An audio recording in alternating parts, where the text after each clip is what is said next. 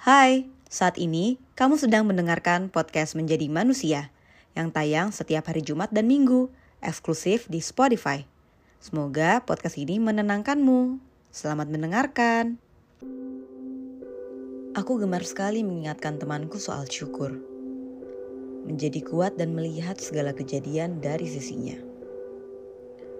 Namun, beberapa hari terasa sangat buruk hingga aku lupa bersyukur. Aku suka lupa menjadi kuat untuk diriku sendiri. Aku lebih suka menjadi kuat untuk orang lain. Entah kenapa rasanya lebih ringan. Mungkin karena berbicara selalu lebih mudah daripada melakukan. Juga karena ternyata memberi lebih menyenangkan dari menerima. Karena dengan memberi, kita menghilangkan beban dari pundak kita yang rapuh ini kan. Omong-omong soal hari yang berat, Seringkali aku mendapati diriku sendiri menangis malam-malam atas perasaan bersalah yang kutimbun sedikit demi sedikit pada hari-hari lainnya.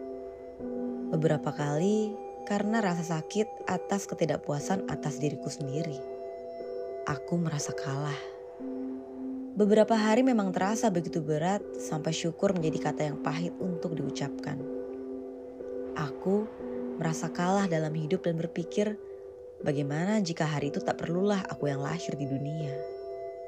Setelah kalimat itu terlontar dalam kepala, aku mendapati diriku meraung-raung sambil menenggelamkan wajahku ke bantal. Dunia begitu menyedihkan, memang. Atau aku yang menyedihkan? Khusyuk, aku melanjutkan tangisanku yang terdengar seperti orang kesurupan.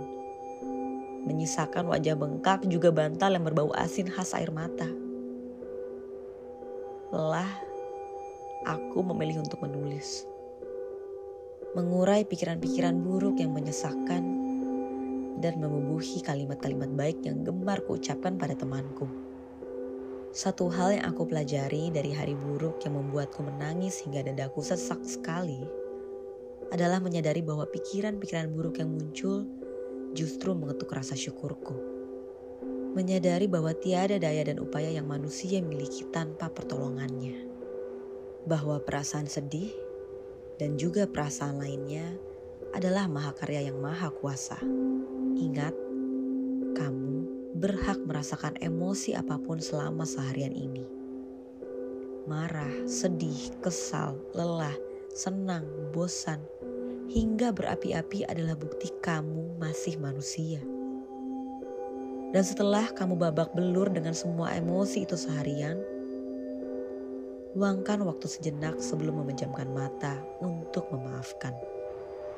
Maafkan dirimu atas semua hal yang berada di luar kendalimu. Atas kecerobohan dan hal-hal bodoh yang tidak sengaja kamu lakukan. Atas ketidakmampuanmu melakukan apa pun sesuai ekspektasi-ekspektasimu sendiri ataupun orang lain maafkan dirimu atas ketidaksempurnaanmu. Setelah itu, berdoalah terus hingga kau terlelap. Kita tidak pernah tahu akan lelap dan terbangun pada dunia esok atau dunia yang berbeda. Yaitu dunia di mana kata maaf dan doa-doa sudah jadi sia-sia. Selamat beristirahat, kita.